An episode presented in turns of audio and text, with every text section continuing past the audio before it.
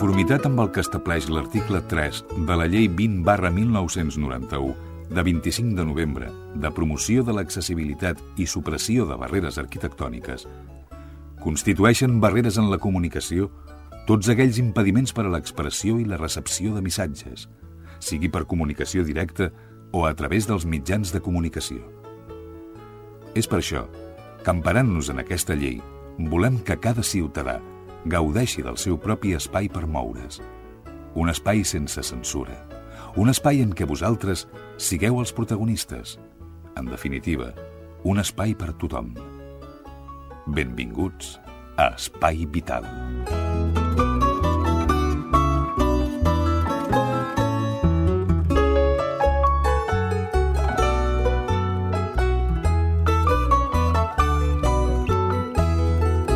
Senyores, senyors, què tal, com estan? Benvinguts, ben trobats un dia més, una jornada més de l'Espai Vital, el programa de la discapacitat i la malaltia crònica. Bé, dedicat a la discapacitat i a la malaltia crònica, però per tothom, per tots vostès, que ens escolten a través de les emissores de Ripollet, Cerdanyola, Montcada, Barberà i Santa Perpètua de la Moguda. A la izquierda del padre... Mmm, del padre, digo yo. La Teresa Diviu, que és la cuinera, la iaia cuinera de l'Espai Vital, cuina adaptada. Teresa, bon dia. Bon dia a tothom. Com et trobes avui?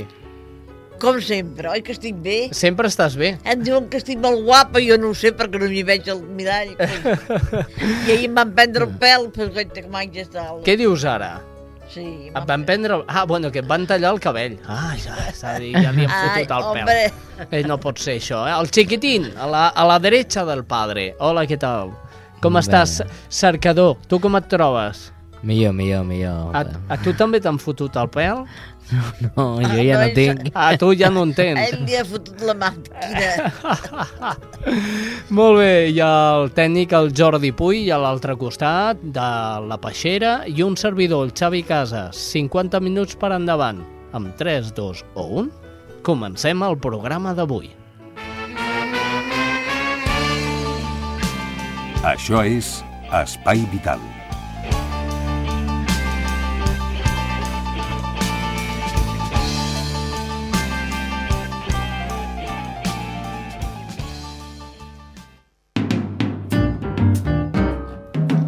Molt bé, senyores, senyors, comencem el programa i el comencem d'una manera especial, com no el comencem eh, només que un cop al mes.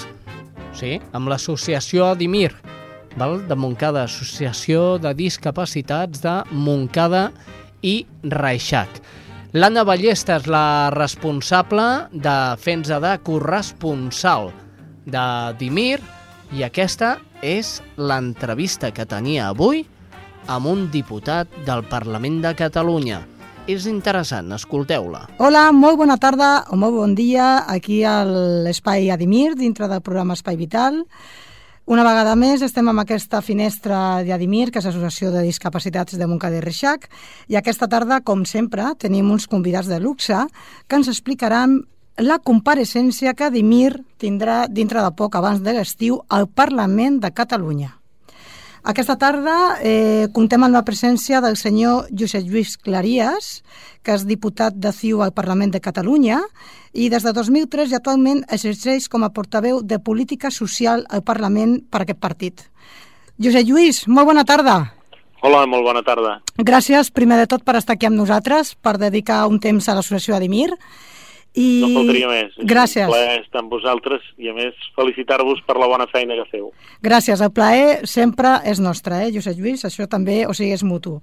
Eh, primer de tot, eh, bueno, és una notícia molt important que una associació de discapacitats pugui estar al Parlament, pugui projectar les seves idees als demés, als polítics, que en definitiva sou els que teniu les eines doncs, per canviar aquest món, per canviar moltes coses, per, fer una, per aconseguir una normalització d'aquest col·lectiu, però primer volia fer una petita situació de lo que és exactament una compareixença al Parlament, perquè dir-ho així, doncs, a millor meus oients exactament no saben, no? no, no inclús jo mateixa feia ben poc no sabia exactament el que era. Eh, Josep Lluís, eh, què, és una, què és una comissió del Parlament? Bé, el, el Parlament de Catalunya funciona per una banda en plenari, que vol dir que ja hi estem tots els diputats i diputades, el 135, i això doncs, es realitza normalment cada 15 dies al ple del Parlament. Però, a més a més, hi ha tots uns temes sectorials que estan dividits per les diferents àrees del govern de la Generalitat, i aleshores doncs, hi ha una comissió de cultura, hi ha una comissió d'Economia i Hisenda, hi ha una comissió d'Afers Institucionals, hi ha una comissió, per exemple, de Benestar i Immigració. I en aquesta comissió doncs, és on s'analitzen tots els temes eh, relacionats amb les polítiques socials i també amb les polítiques d'immigració del govern de la Generalitat i de Catalunya i totes les que es poden impulsar. I per tant aquesta comissió que eh, té un repartiment proporcional al nombre de diputats i diputades que hi són per cada grup parlamentari, per, uh -huh. per així, per cada formació política, proporcional als 135 totals que hi ha en el, en el plenari, i sí. per tant doncs, hi ha una representació proporcional dels diferents grups polítics amb una presidència, una vicepresidència, una secretaria, uns serveis tècnics, i allà és on s'analitzen i s'aproven tots els temes relacionats amb les polítiques socials. Fins i tot una llei abans d'anar al plenari, doncs passa per aquesta comissió que crea una ponència per tramitar la llei, allà uh -huh. és on, on es mira esmena per esmena tot el text i finalment és on s'aprova i es proposa al plenari, que és qui després l'ha d'aprovar i on es fa el debat general.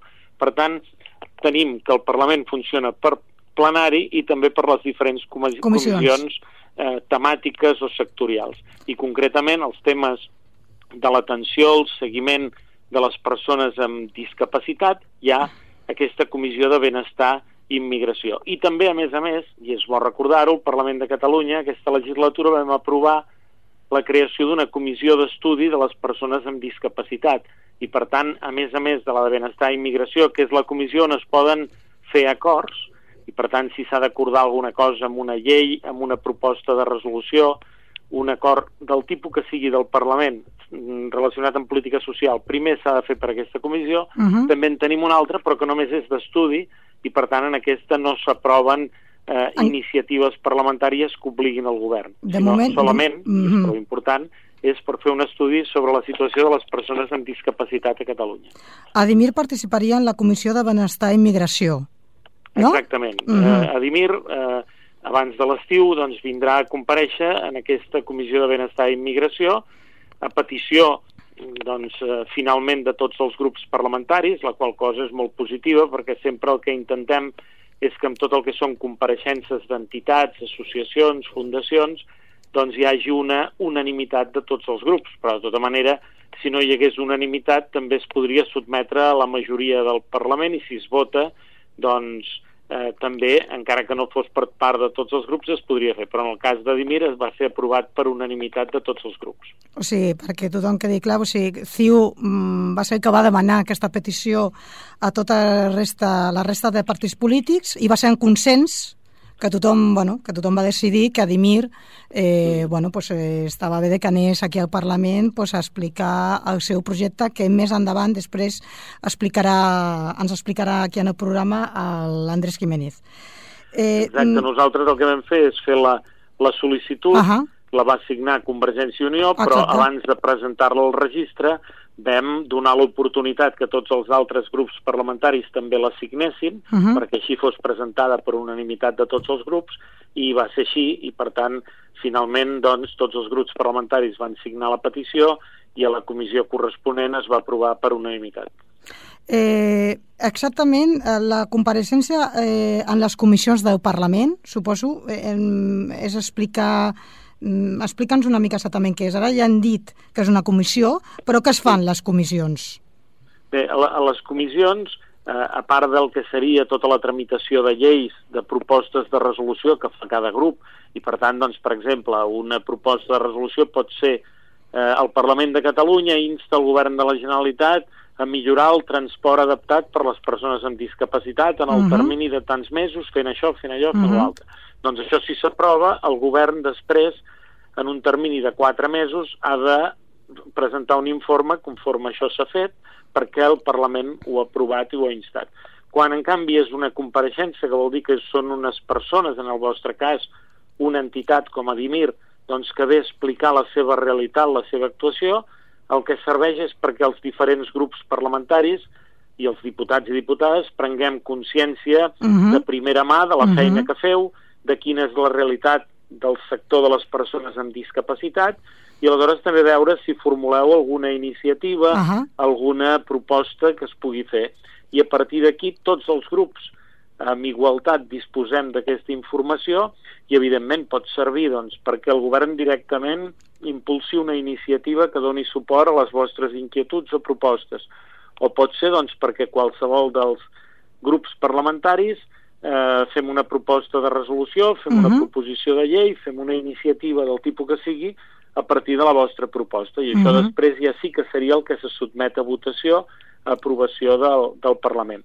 En el cas de la compareixença, el que primerament es fa és una exposició per part de l'entitat, d'un membre o diferents membres de l'entitat, i posteriorment els diputats i diputades de, de la comissió podem formular algunes preguntes o si algun tema creiem que no ha quedat prou clar, Mhm. l'entitat respon i tot això queda al llibre de sessions i a més a més també a través de la web del Parlament de Catalunya qualsevol ciutadà que vulgui veure el dia de la vostra compareixença, Ahà. com s'ha desenvolupat, a través de la web buscant el dia de la Comissió de Benestar que hi veu venir i, i pitjant doncs, el, eh, el, el ratolí de l'ordinador pot veure aquesta compareixença. I després hi ha el programa del Parlament de Catalunya Sí. que es fa els dissabtes o diumenges, doncs que també es fa un resum de les compareixences, de les actuacions que hi ha hagut i per tant també per TV3, més ben dit, pel canal 33 i TV3, doncs eh,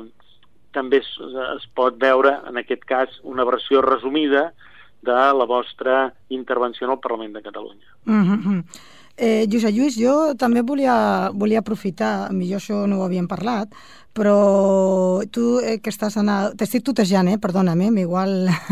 no no Ja t'estic parlant de vostè, però bueno... No, no, de tu, perquè jo també us parlo de tu, perquè em sembla que, que la, la missió dels polítics és estar prop de la gent i no i de vegades el vostè Sí, no? allunya. Sí, I respecte exacte. ens el tenim tot, per tant, cap problema. Ah, exacte. Eh, jo també volia preguntar sobre el tema de la llei de la dependència, que és un tema que també interessa, interessa moltíssim a les eh, persones amb disca- discapacitat i les seves famílies. I jo pregunta, volia preguntar què podem esperar en el futur. Eh, com es, primer, com està la implantació d'aquesta llei de, de la dependència a Catalunya? Què podem esperar en el futur? I, i en referència, sobretot, a una figura que és importantíssima i que em sembla que no està gaire tractada, que és la de l'assistent personal. Aviam, la, la llei de la dependència, eh, que és una llei que va néixer per un impuls parlamentari fet en el Congrés dels Diputats a Madrid per Convergència i Unió a la Comissió del Pacte de Toledo, finalment Convergència i Unió no li vam donar suport perquè veiem que tenia unes mancances en què trepitjava les competències de la Generalitat, en què no hi posava prou recursos econòmics i no tenia en compte el cost del servei, perquè un servei social a Catalunya és més car que altres llocs de l'estat espanyol. Uh Mhm. -huh. Per tant, nosaltres creiem que si una llei és per donar un servei, el que hem de fer és assegurar que, que tingui els recursos econòmics. A Catalunya s'està fent amb molta lentitud i la Generalitat no està respectant els terminis. El termini per la valoració de la llei de dependència són tres mesos i per fer el programa individual d'atenció tres mesos més. Per tant, en sis mesos la persona hauria d'estar rebent, rebent el servei o la prestació que haguessin acordat i això no és així, passen uh Mhm. -huh. molts més mesos. A més a més, eh, el, el, el servei, diu la llei, tant la de serveis socials catalana com la llei de la dependència, diu que el servei serà acordat. Per tant, que es respectarà el dret a triar. I en aquests moments el dret a triar no s'està respectant. Uh -huh. A més a més, de les conjunt de sol·licituds que tenen dret al programa individual d'atenció, Sí. eh, no s'arriba al 50% de programes individuals d'atenció fets. Per tant, eh, van molt endarrerits. I a més a més, com molt bé deies, una de les figures importants per les persones amb discapacitat és l'assistent personal, que l'assistent personal és una, és una persona formada per atendre la persona amb discapacitat, per acompanyar-la a casa, també per acompanyar-la si va a l'escola, si va al treball, doncs també fer tot l'acompanyament. Per tant, és una persona que se'n diu de suport i acompanyament. I això, doncs a Catalunya ens trobem que en aquests moments només hi ha 15 assistents personals eh, que el programa individual d'atenció ha lluç, donat no? 15 assistents personals. Poquets, Perdó? no? Poquets, no, Josep No, Lluís? poquets no, poquíssims. Ah, Perquè, dir- per exemple, de cuidadors familiars, que seria l'altra figura que la llei de la dependència diu que es donarà excepcionalment quan no hi hagi res més a donar, Ah. que vol dir cuidador no professional vol dir un familiar. Sí. Doncs resulta que, que hores d'ara, hores d'ara, la data que, que és és l'1 de maig, que són les dades últimes que tinc ara al cap, són 31.000 eh, persones cuidadors familiars. Ah. 31.000 cuidadors familiars Contra que havien 15. de ser l'excepció i d'assistents personals, que és una persona amb seguretat social però donada d'alta amb un nivell eh, mitjà. Mhm. També amb un sou adequat. En mm Mhm. només n'hi ha 15. Mhm, I mhm. cuidador familiar, que tens una possibilitat d'estar a la seguretat social donat d'alta a la pensió mínima, seria, i per tant a la prestació mínima i el cost mínim de seguretat social, resulta que dels 31.000 que hi han donats eh, cuidadors familiars, donats d'alta a la seguretat social, eh, a 1 de maig només n'hi havia 7.000. Per tant, vol dir que aquí això s'està fent malament. Ja. I nosaltres creiem que la figura que cal potenciar és l'assistent personal perquè aleshores no estarem fent una llei de la dependència, sinó que estarem fent una llei de l'autonomia personal, que dongui autonomia a les persones, Mhm. que els dongui independència vital per poder fer el seu projecte propi. No? I això especialment quan parlem d'infants, adolescents i joves, té molta importància. Encara s'agrava perquè, més. Perquè amb una persona de 90 anys, de 95, l'hem d'atendre tot el bé que puguem, no cal dir-ho, amb tota la qualitat, amb tota l'atenció, però quan atenem a una criatura o a un jove, vol dir que l'estem ajudant a forjar tota la seva trajectòria vital. I segons com es faci, li estem hipotecant no uns anys de la seva vida, sinó tota, Tota la vida. seva vida. Josep Lluís, Per tant, Josep Lluís, sí. perdona'm, mira, eh, mm, saps què farem? Perquè veig que el tema aquest de la llei de dependència podríem parlar moltíssim, desgraciadament a la ràdio no tenim tot el Sí. temps que voldrien, i menys a la nostra associació. Mm, jo penso que un dia tenim que dedicar un programa sencer a parlar d'aquest tema. Jo, si mm, et tornaré a trucar, et tornaré a convidar si vols venir aquí a parlar amb nosaltres, Vindré aquí amb vosaltres. penso, Encantat, ja ho sabeu. penso que és molt important, inclús també tenim la intenció de, de convidar d'altres associacions, no només eh, la nostra visió. I per acabar, perquè això de la llei de dependència seria llarguíssim, perquè sí. sí que hi ha una llei, però sempre es pot millorar. Jo només eh, volia, per acabar, dir-te una cosa. Nosaltres som també uns grans observadors, hem mirat, eh, hem llegit entrevistes teves, i tu en una entrevista eh, vas declarar que la diversitat enriqueix. Sí. Llavors, eh, amb aquesta frase que ens ha fet nostra, perquè nosaltres ja fa molt de temps que diem això, que la diversitat enriqueix, eh, jo pregunto si, si tu penses que conviure en la diversitat estimula el respecte a la dignitat de les persones i sobretot la generositat de ser solidari. Vull dir, si, si realment aquesta diversitat enriqueix, si tu ho penses, si ho creus, si encara continues creient això. Ho he cregut sempre, és una mica d'aquells conceptes que et porten, i més especialment quan et dediques als temes de política social, jo crec que, que una gran sort de la vida és que les persones totes som diferents, diferents capacitats, diferents possibilitats, però en canvi, i diferents punts de partida, però en canvi hi ha un gran principi que és el següent que ha de venir tot això, que és la igualtat d'oportunitats. I només si donem igualtat d'oportunitats a tothom en la seva situació, potenciant al màxim el que cadascú pot donar, doncs des de la diversitat, des de les diferents opcions, des de la diversitat de sortides, de punts de sortida, estarem fent una societat més justa. I és aquesta igualtat d'oportunitats la que hem de donar a la diversitat de persones que fem aquesta Catalunya i el món en definitiva. No? Doncs, Josep Lluís, eh, només he tornat a donar les gràcies per estar amb nosaltres, és que sé, sabem que estàs molt enfeinat. Eh, també et volia, bueno, volia dir que ens veurem segurament amb l'entrevista que tenim previst amb el senyor Artur Mas, el president de CiU, d'aquí fa uns dies, cosa de la que Adimir està super, super, estem super contents i, bueno, i que et convido perquè vinguis un altre dia a parlar amb més, amb més temps d'aquest tema que tant preocupa també a totes les famílies i persones amb discapacitats, que és la llei de la dependència. Doncs Josep quan Lluís, vulgueu, enhorabona per tot el que feu. eh, gràcies, una abraçada molt, molt forta. Moltes gràcies. Molt bé, una abraçada, adeu-siau. Moltes gràcies i es veiem en la, properament en la propera ocasió de l'Espai Ademir. Gràcies, Xavi, bona tarda. Estàs escoltant Espai Vital.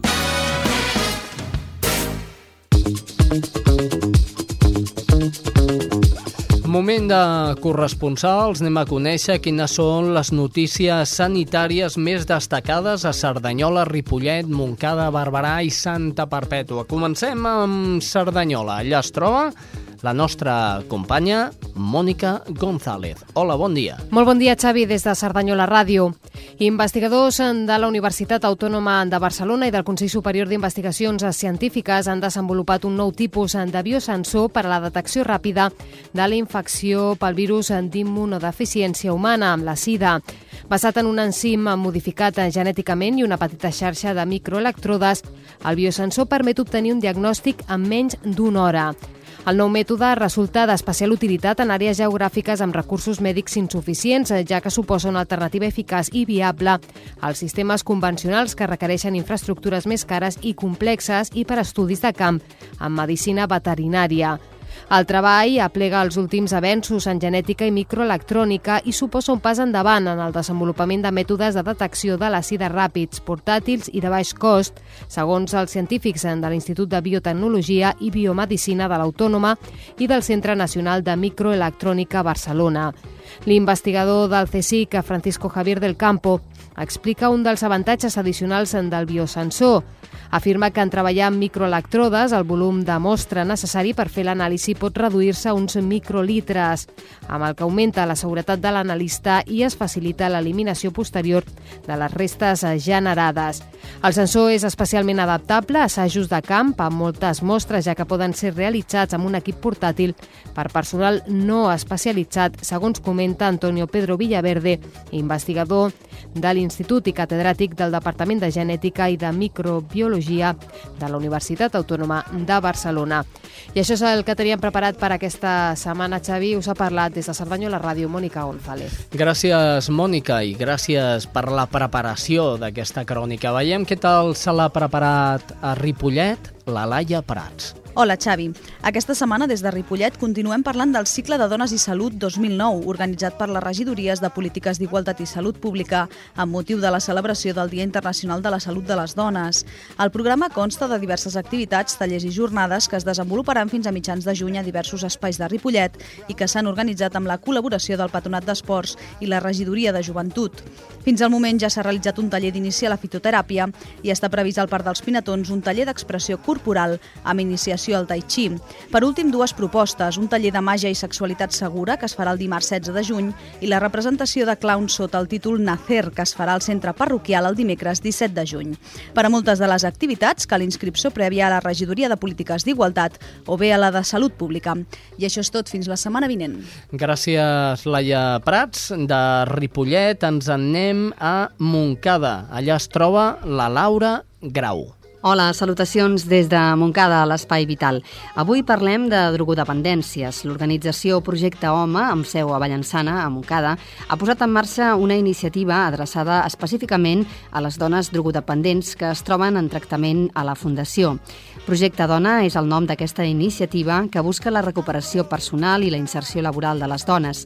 En aquest sentit, el secretari de la Fundació Gresol Projecte Home, Albert Sabatés, va signar recentment un conveni amb l'alcalde César Arrizabalaga, a través del qual el consistori aporta més de 20.000 euros per dur a terme el projecte.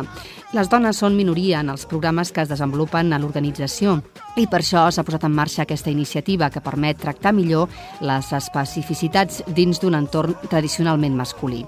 Projecte Home a Catalunya es va fundar l'any 1995 amb l'objectiu de promoure l'autonomia i la dignitat de les persones, treballant per al tractament i la prevenció de les drogodependències i altres conductes d'addicció. Desenvolupa un programa sociosanitari, educatiu i terapèutic per la rehabilitació i integració social de les persones drogodependents, que es divideix en dues fases. La primera es desenvolupa a la comunitat terapèutica de Montcada i Reixac, amb capacitat per 30 places residencials i 30 de centre de dia. Els professionals hi treballa, que hi treballen realitzen una tasca de motivació pel canvi i el creixement personal, propiciant un distanciament de la cultura de les drogues. Doncs bé, això és tot per avui. Fins la setmana vinent. Fins la setmana vinent. Gràcies, Laura Carau. Anem ara mateix cap a Barberà. I vostès diran, ja la Núria Cabrera? Doncs no, aquest programa no.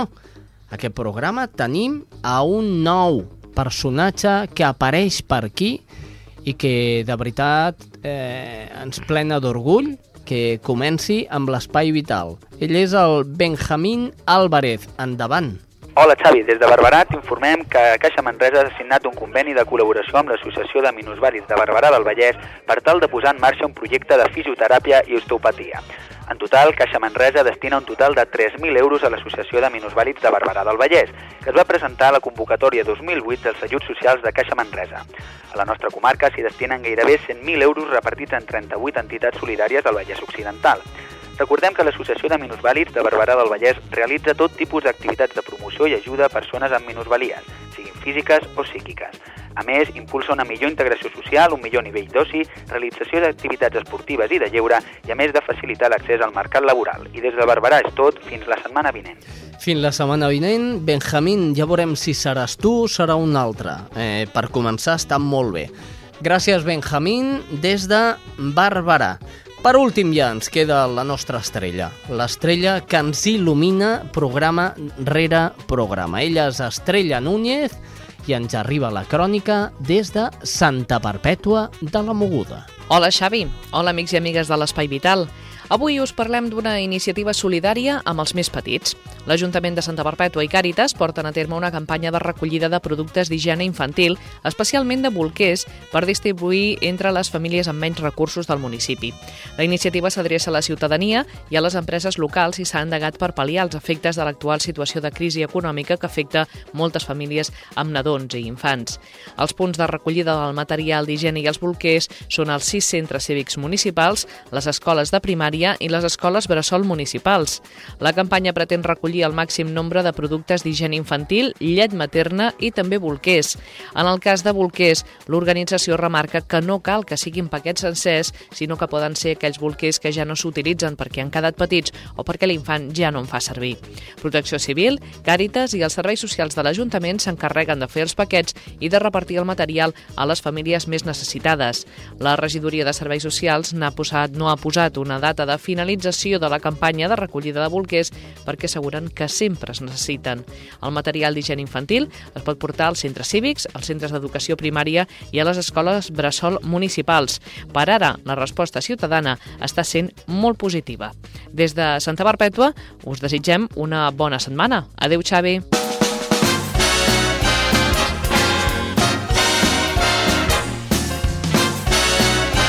Espai Vital, el primer programa adaptat de les zones.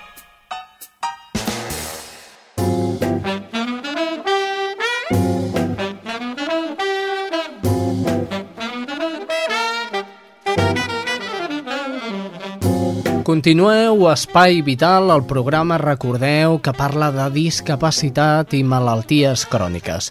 Avui a l'Espai Vital, eh, un dia més, recuperem la companyia d'uns grans amics, que són els membres d'Espassur, d'aquí de Ripollet i de Cerdanyola, i de quantes poblacions més, ja us ho diré, amb la responsable, que és la Maria, que els acompanya.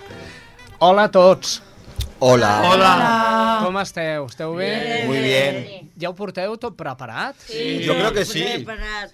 Doncs anem a veure-ho. Avui, a Espassur, el programa, eh, l'apartat del programa d'Espai Vital que avui ens acompanya, ens volen parlar de la discapacitat. Hola, buenos días chicos de Aspasur, encantado de recibir otra vez vuestra visita. ¿Hoy de qué nos hablaréis? De la discapacidad. Muy bien, Monse. Y Sabino, ¿cuál crees que es el significado de esta palabra? Bajo mi punto de vista, una persona discapacitada es alguien que tiene dificultades para valerse por sí mismo y necesita un soporte.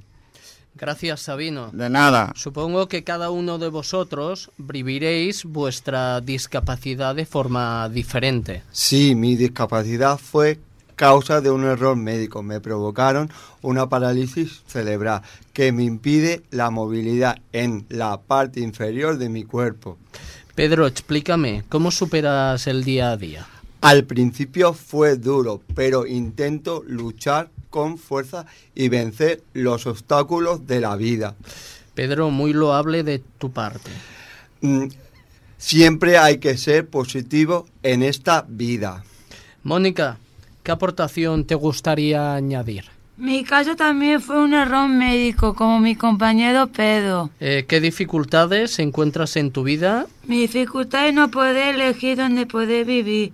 Vivo en una residencia y cubro mis necesidades. Mi gran ilusión sería vivir con mi madre para siempre, pero las circunstancias de la vida no me lo permiten.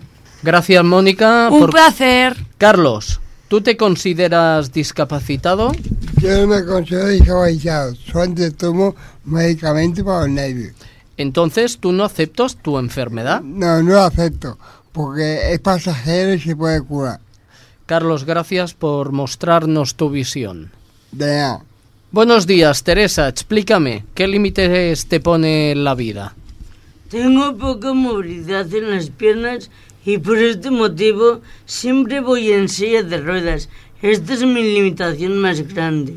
¿Crees que tu entorno está adaptado a tus nece- necesidades? En algunos aspectos sí, pero en cuanto a las barreras arquitectónicas hay demasiadas carencias. ¿Qué tipo de faltas encuentras? Faltan rampas, evitar usar aparcamientos de discapacitados, ascensores para acceder a las plantas de arriba de algún edificio, pocos lavabos adaptados, etc. Teresa, eh, esto nos servirá de crítica constructiva. Muy buena aportación, gracias. Gracias a ti, Xavi. Tú antes, Sabino, nos has descrito discapacidad como necesidad de soporte. ¿Cuál sería el tuyo? Mi mano me impide hacer algunas cosas, por ejemplo atarme los zapatos, cortar la carne y algunas otras cosas más. Gracias, Sabino. De nada, Xavi. ¿Y tú, Enrique? Me cuesta va y comprender. A Xavi. Gracias. A Xavi. Alicia, ¿qué te gustaría hacer en la vida? Me gustaría casarme, tener mi propia casa, mi trabajo con buen sueldo y tener hijos. ¿Pero tu discapacidad te permite todo eso? No, porque me cuesta el uso de la moneda y la, repos- la responsabilidad de una casa. En cuanto los hijos no lo podría tener, porque mi carácter nervioso no me permite tener paciencia y tienen un riesgo de ser discapacitado- discapacitados como yo. Gracias, Alicia. Gracias a ti por escucharme. Y falta Carmen, que nos cuentas. Esta, papá. Gracias, Carmen. Nada. Gracias por estar aquí de nuevo y espero veros muy pronto a todos. Muchísimas gracias. De nada. Nada. Adiós. Adiós. Adiós.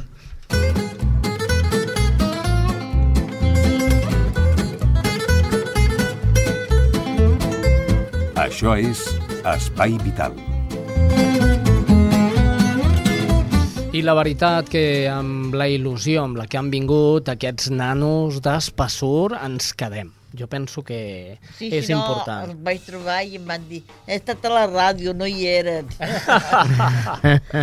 Perquè vam gravar un dia que, era, que no hi era. No, clar, clar, és que no, no podem gravar el mateix dia del programa perquè, perquè no, ells tenen un dia concertat Sí. i amb aquest dia s'ha de venir i Sí, s'ha no, de fer no, amb ells. estaven contents. Molt bé, jo molt content de compartir amb ells eh, l'espai que ens porta a Espassur, sempre. Clar que sí.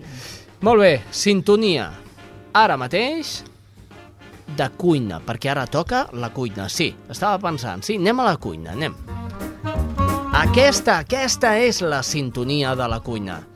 I què ens porta avui la Teresa Diviu?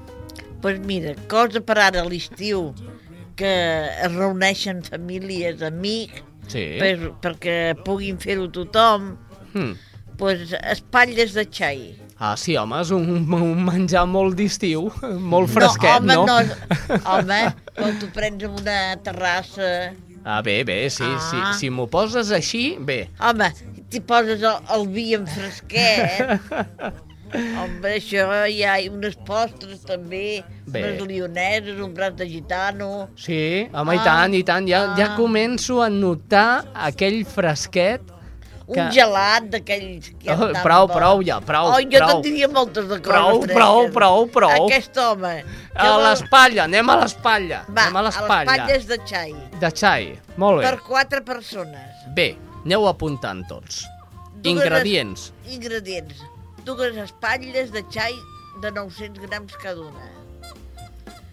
Una, unes branques de menta o hierbabuena, com ho vulgueu. Un altre parell de rametes d'allò de, de romaní. Sí, perquè hi ha farigola... No, espígol. Romero, Romero, no? Re... De romaní o espígol, que Va, vulgueu. bé, bé, bé. Perquè espígol és una cosa i romaní és una altra, però tot és herbes que van bé per aquestes coses. Molt bé.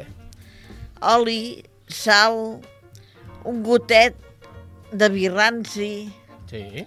un gotet de d'oli, després també posa aigua calenta, però a l'aigua calenta si podeu posar miasta, n'hi ha tetabric d'aquell caldo, Sí. que són tetabric, doncs necessiteu mig litre de caldo.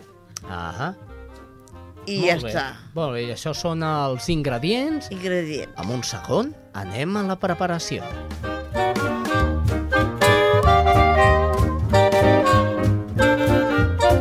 Doncs molt bé, ja tenim els estris sobre de la taula i comencem. Comencem. Sí. Enceneu el, El forn a tu, temperatura mitjana, allò moderada.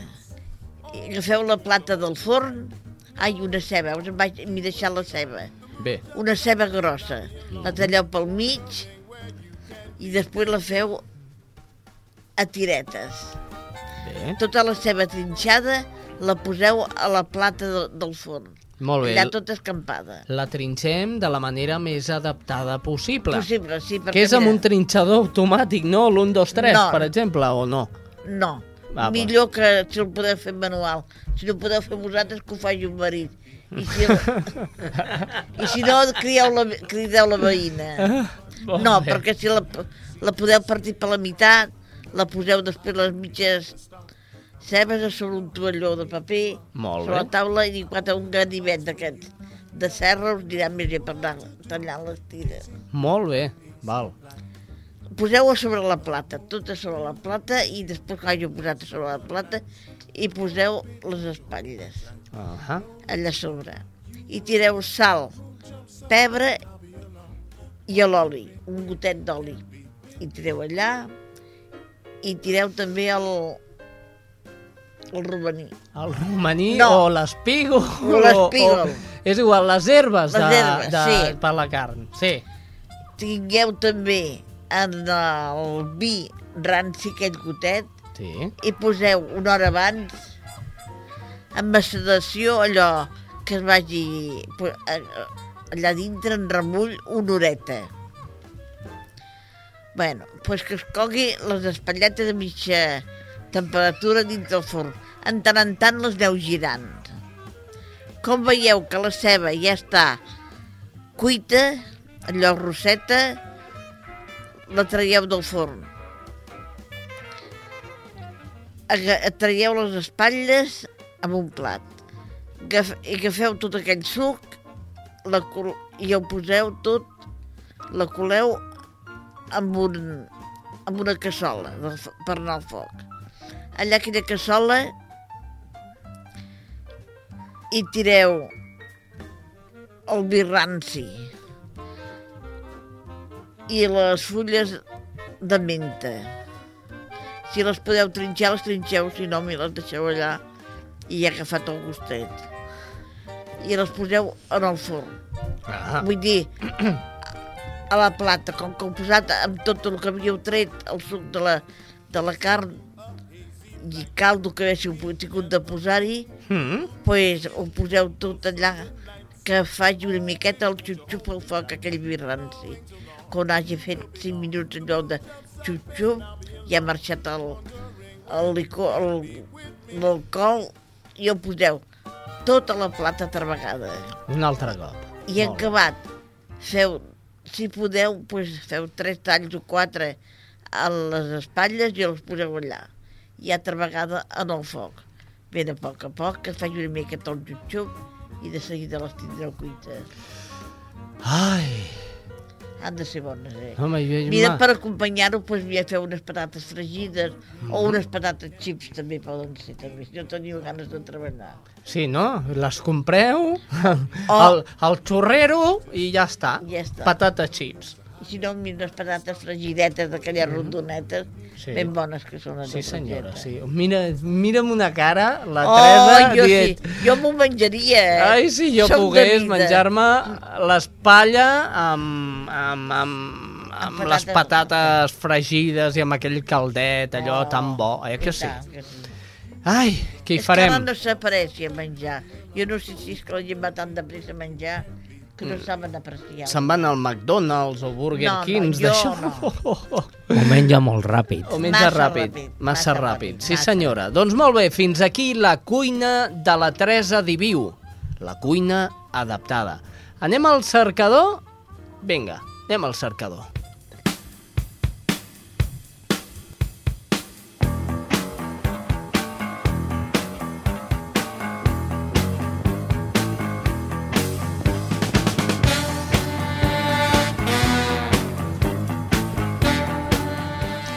Encara ens queda uh, la salivera de l'espatlla de, De bé. de bé. Pues espera la setmana que ve Mm. que preparin llapis i paper que us donaré la coca de Sant Joan. Ah, ah, bona recepta que ja la vas donar l'any passat. Bueno, però per si no se'n recorden. Bé, bé, bé, perquè bé. sempre hi ha oients nous. Pues, Clar que sí, clar que sí, clar que sí.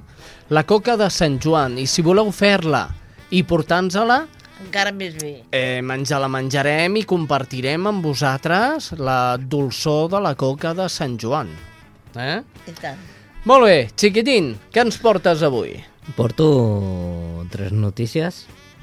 Una que parla sobre la droga, una altra sobre el càncer mm. i una altra sobre la gripa. Que de veritat ja mm, cansa.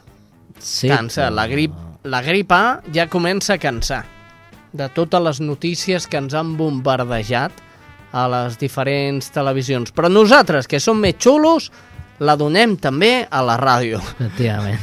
Molt bé, comencem. Les notícies del cercador comença. Més de 600 experts debaten al Congrés Parlem de drogues, com prevenir l'addicció entre els joves. Veiem què ens explica el cercador. El Cosmocaixa de Barcelona acull el Congrés Parlem de Drogues, un espai que vol servir per reflexionar sobre les millors maneres de prevenir l'addicció la, a les drogues entre els més joves. Les jornades organitzades per la Fundació d'Ajuda contra la Drogadicció, la Obra Social La Caixa i el Ministeri de Sanitat comptarà amb la participació a més de 600 experts. El congrés està inaugurat per la reina Sofia i està dirigit per a professionals de l'educació, la prevenció i l'assistència sobre els problemes de la droga, psicòlegs, pedagogs, educadors socials, tècnics municipals, responsables d'ONG, etc. L'objectiu és analitzar com és la joventut actual i debatre i parlar sobre les millors mesures per prevenir el consum de drogues entre aquest col·lectiu. Molt bé, primera notícia del cercador. Segona notícia, diu, identifiquen un gen dels cítrics que podria ajudar a prevenir el càncer. Ara si tingués un cronòmetre, d'aquells que fan tic-tac, tic-tac, tic-tac, por 25 céntimos. Decidme una fruta que sea un cítrico. Ja. Taronja, llimona... Què més, què més, què més? Ah, esteu Pomelo. animat. Pomelo, Pomelo. també és cítric, també? Ah, què més, què més? Va, va, va, va. Mandarina, per exemple, no? sí. Una mandarina, eh? Què més, què més, què més? Va, que en portem quatre.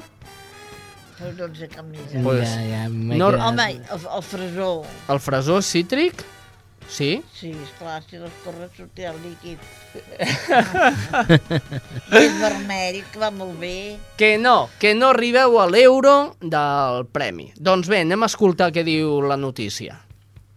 Un grup de científics del Consell Superior d'Investigacions Científiques ha identificat un nou gen dels cítrics que intervé en l'acumulació de carotenoides i en la pigmentació vermella d'aquests fruits i és que es relaciona amb la prevenció del càncer.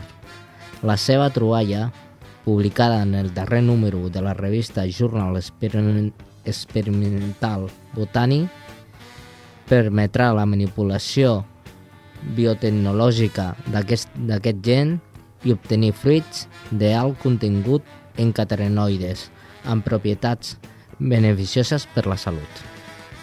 Ja està. Ja està. Ja està. Karate què, has dit? Carotenoides? Carotenoides. Bé, doncs carotenoides. Molt bé, l'última de les notícies que ens acosta al cercador mmm, parla de sanitat. I és que Sanitat anuncia que a la tardor començarà la vacunació contra la grip A per fi. Ens han parlat de com era, qui l'agafava, qui no l'agafava, i ara ja arriba la vacunació contra la grip A. És una notícia que ens acosta al xiquitín. La ministra de Sanitat, Trinidad Jiménez, ha anunciat que Espanya dispondrà de la vacuna contra la gripa a principis de la tardor i que a partir de llavors començarà a vacunar la població.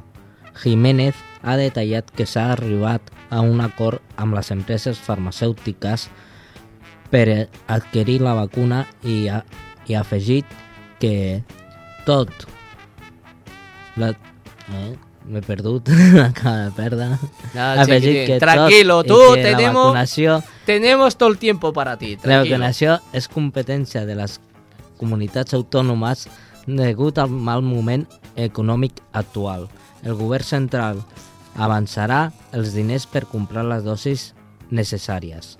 Naturalment, els primers en vacunar-se són la gent gran, malalts crònics etc. i amb amb discapacitat. Ja està. Ja està. Molt bé, ja tenim les notícies del cercador, que de fet, si em deixeu fer eh, un apunt, us diré que vosaltres digueu el que vulgueu. Per mi em sembla que la grip pa aquesta, això és com els ordinadors, que creen virus per vendre antivirus.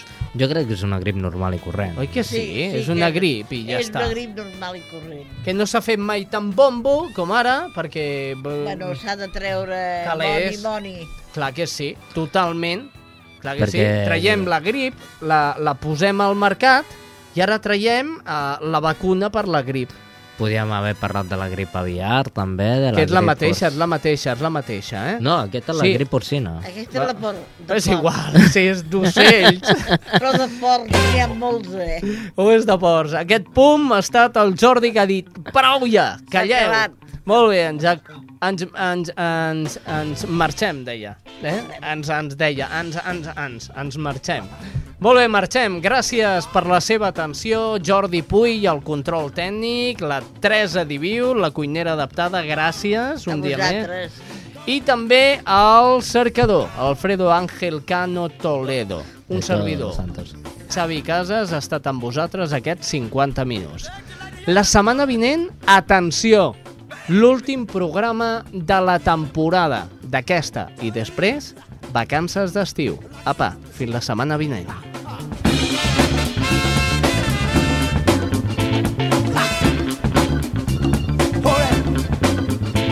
Baby, I got to have it.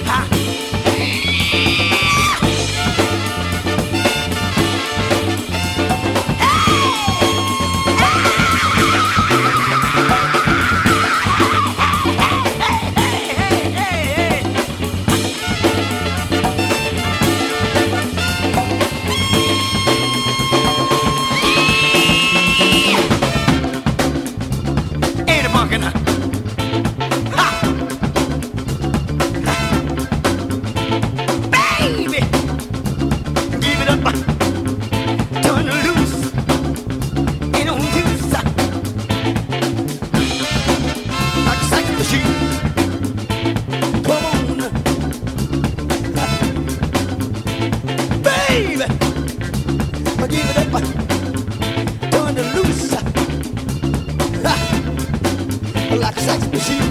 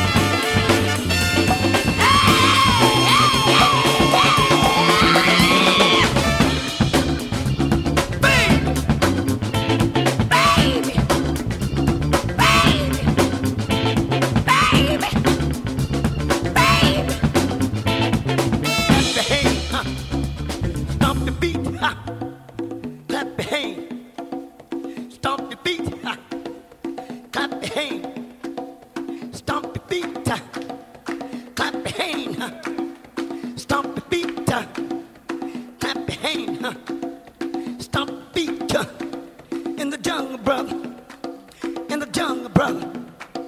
In the jungle, brother.